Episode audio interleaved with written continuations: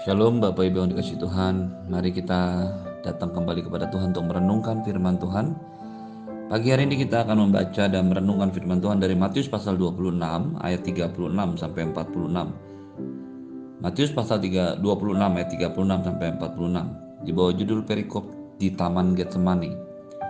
Maka sampailah Yesus bersama-sama murid-muridnya ke satu tempat yang bernama Getsemani Lalu ia berkata pada murid-muridnya, "Duduklah di sini sementara aku pergi ke sana untuk berdoa."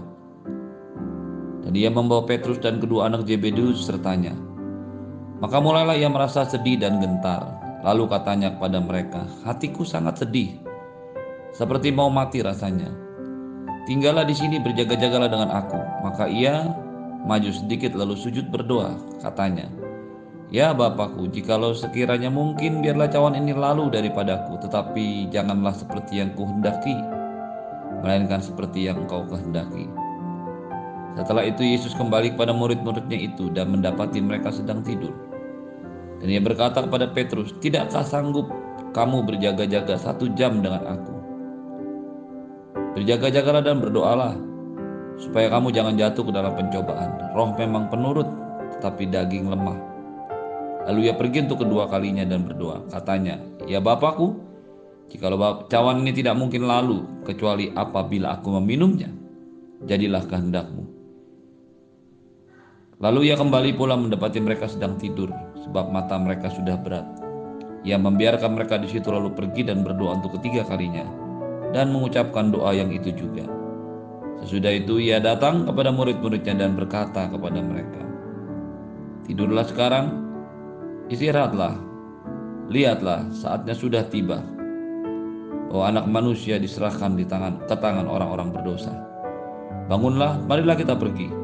Dia yang menyerahkan kita, dia yang menyerahkan aku sudah dekat. Bapak Ibu yang dikasih Tuhan, bagian ayat-ayat yang kita renungkan dan baca tadi adalah bagian akhir dari pelayanan Tuhan Yesus bersama-sama dengan muridnya sebelum ia disalibkan. Ia membawa semua muridnya kecuali Yudas yang pergi meninggalkannya untuk menemui tua-tua Yahudi dan imam-imam kepala. Kesebelas muridnya bersama-sama dengan Tuhan Yesus dan dibawa oleh Tuhan Yesus ke sebuah taman yang bernama Getsemani di daerah Bukit Jaitun. Sekeliling taman ada begitu banyak pohon zaitun. Dan tempat ini, Taman Getsemani adalah yang kalau berasal dari bahasa aslinya, Getsemani berarti tempat pemerasan minyak, tempat pemurnian, tempat penggilingan zaitun.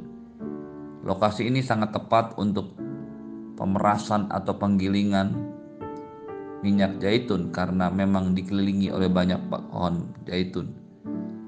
Yesus mengajak murid-muridnya ke sana untuk berdoa.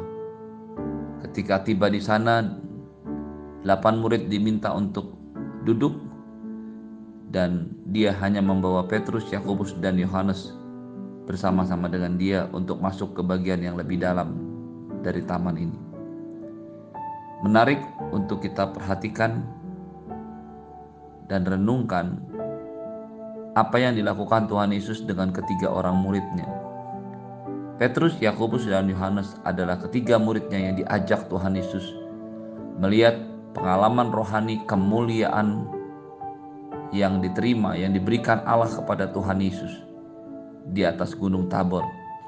Bapak Ibu yang dikasih Tuhan, ketiga murid ini juga yang dibawa Yesus untuk berdoa bersama-sama dengan dia untuk melihat bagaimana pergumulan dia, melihat bagaimana kesusahan hatinya, melihat bagaimana penyerahan hidupnya dilakukan.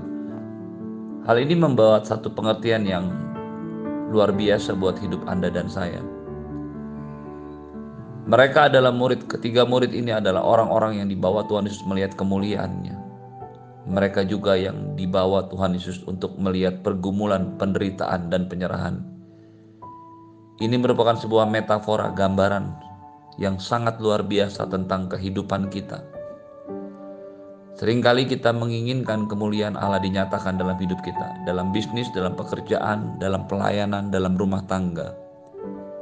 Tetapi persoalannya, berapa banyak di antara kita yang mau dan juga siap dibawa Tuhan ke dalam tempat-tempat pemerasan minyak, ke dalam tempat-tempat pemurnian seperti Taman Getsemani ini.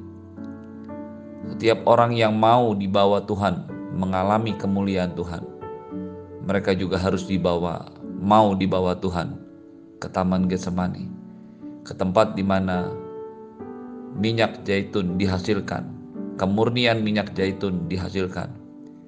Proses pemurnian minyak zaitun diawali oleh buah zaitun yang diinjak-injak, diperas, sehingga akhirnya menghasilkan dari hasil injakan kaki, dari hasil injakan alat, tekanan alat akan mengeluarkan minyak yang baik, minyak yang sangat bermanfaat itu.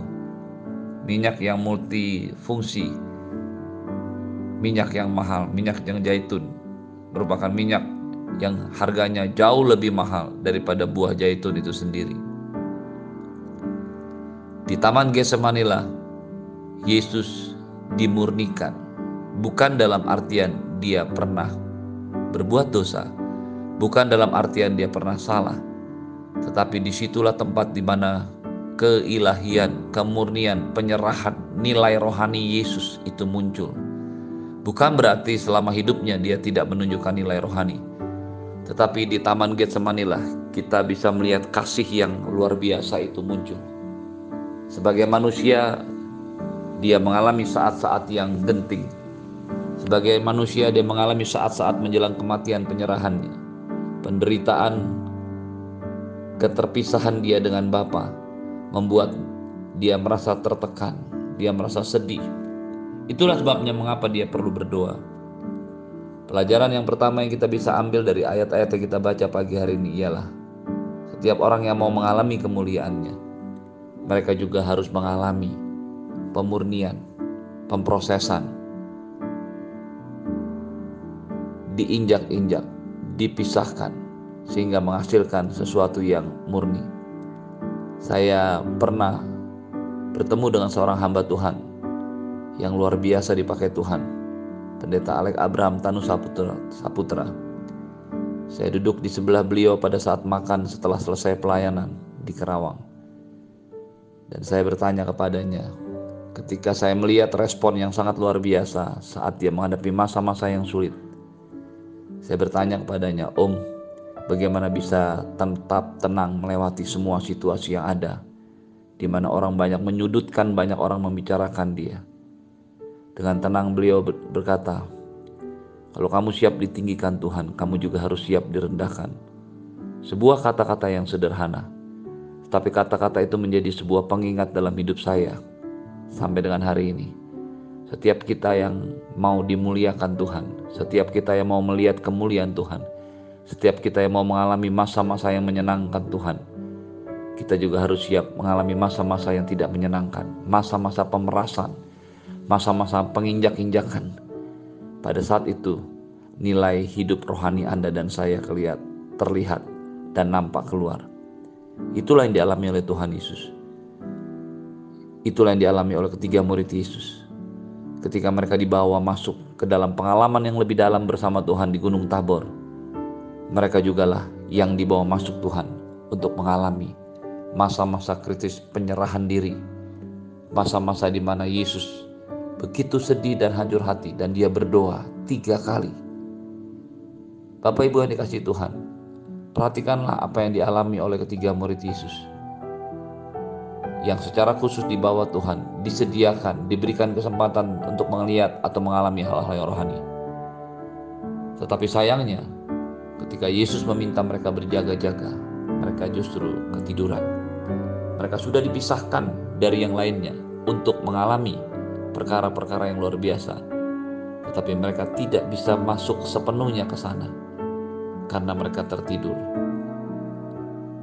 Kita tidak tahu apa yang mereka lakukan sepanjang hari, tetapi sebagai seorang nelayan, fisik mereka tentunya adalah orang-orang yang terbiasa bekerja keras. Seorang nelayan adalah orang yang bekerja mencari ikan dan biasanya dilakukan mereka melaut atau pergi ke danau pada waktu malam. Jadi sebenarnya tidak ada alasan buat mereka ketiduran, kecuali memang kedagingan dan kelelahan yang mereka alami. Bapak Ibu yang kasih Tuhan, setiap kesempatan yang Tuhan berikan, yang Tuhan bawa kepada Anda dan saya untuk masuk mengalami pemrosesan Tuhan, haruslah dilewati, haruslah diikuti dengan semua perkara yang luar biasa dalam hidup kita. Pagi hari ini jangan biarkan setiap kali Tuhan membawa kita mengalami sesuatu yang luar, luar biasa dalam hidup kita. Kita ketiduran, kita tidak berjaga-jaga. Tuhan Yesus meminta kepada mereka, tinggallah di sini, berjaga-jaga dengan aku berjaga-jaga dengan aku.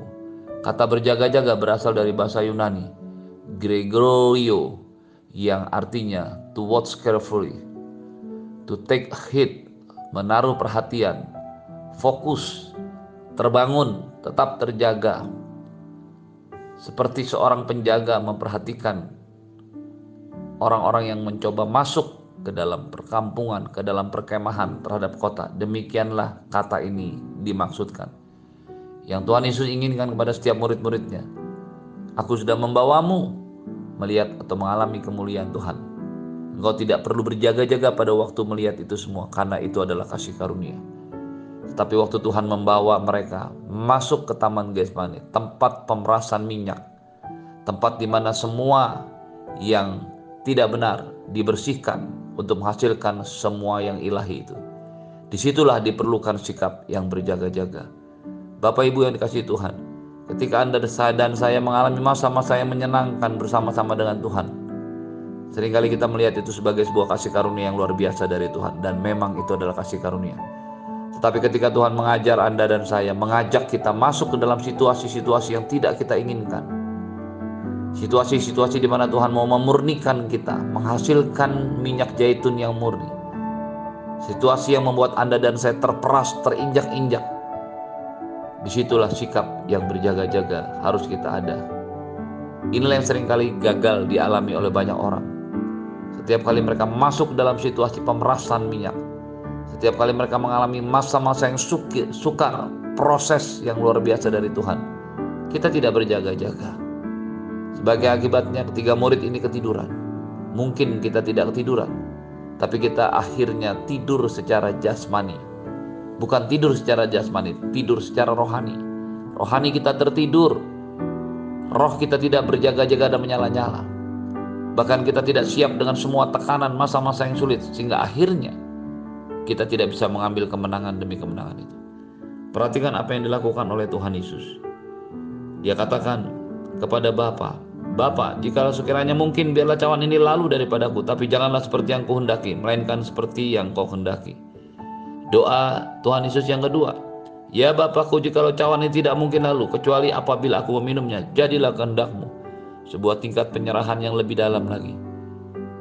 Tiga kali Tuhan Yesus berkata kepada Tuhan, bukan kehendakku, kehendakmu saja yang jadi. Ini bukan merupakan sebuah persoalan sederhana. Ini bukan merupakan sebuah persoalan menghindari atau membenci dosa.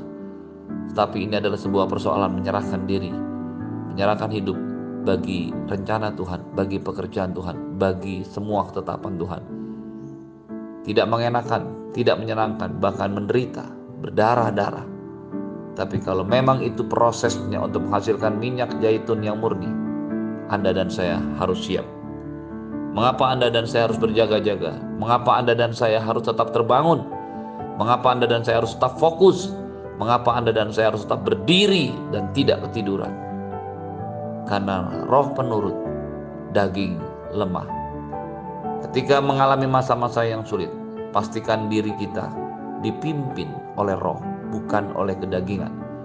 Kata daging ini bukan hanya berbicara tubuh, tetapi juga jiwa, perasaan, kemauan, keinginan. Bapak Ibu yang dikasih Tuhan, berapa kali kita mengalami masa-masa yang sulit, perasaan kita yang memimpin hidup kita. Suka, tidak suka, sakit, hati, atau tersinggung, sering kali menjadi motor, iri, sering kali menjadi kepala dari semua tindakan kita. Pagi hari ini, biar kita hidup menurut roh, roh penurut daging lemah, jiwa kita lemah.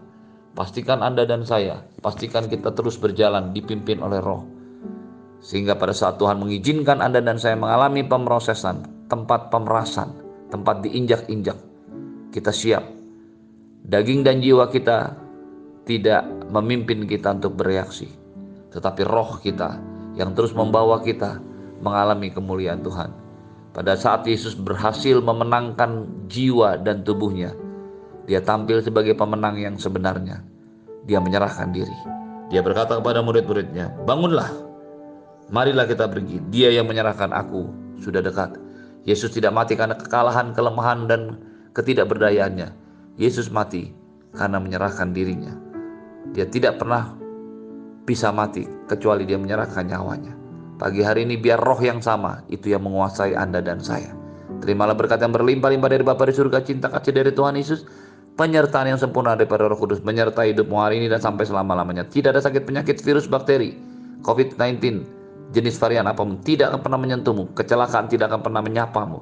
Di dalam nama Tuhan Yesus, semua yang percaya katakan, Amin. Shalom, selamat pagi, selamat beraktivitas. Tuhan Yesus memberkati.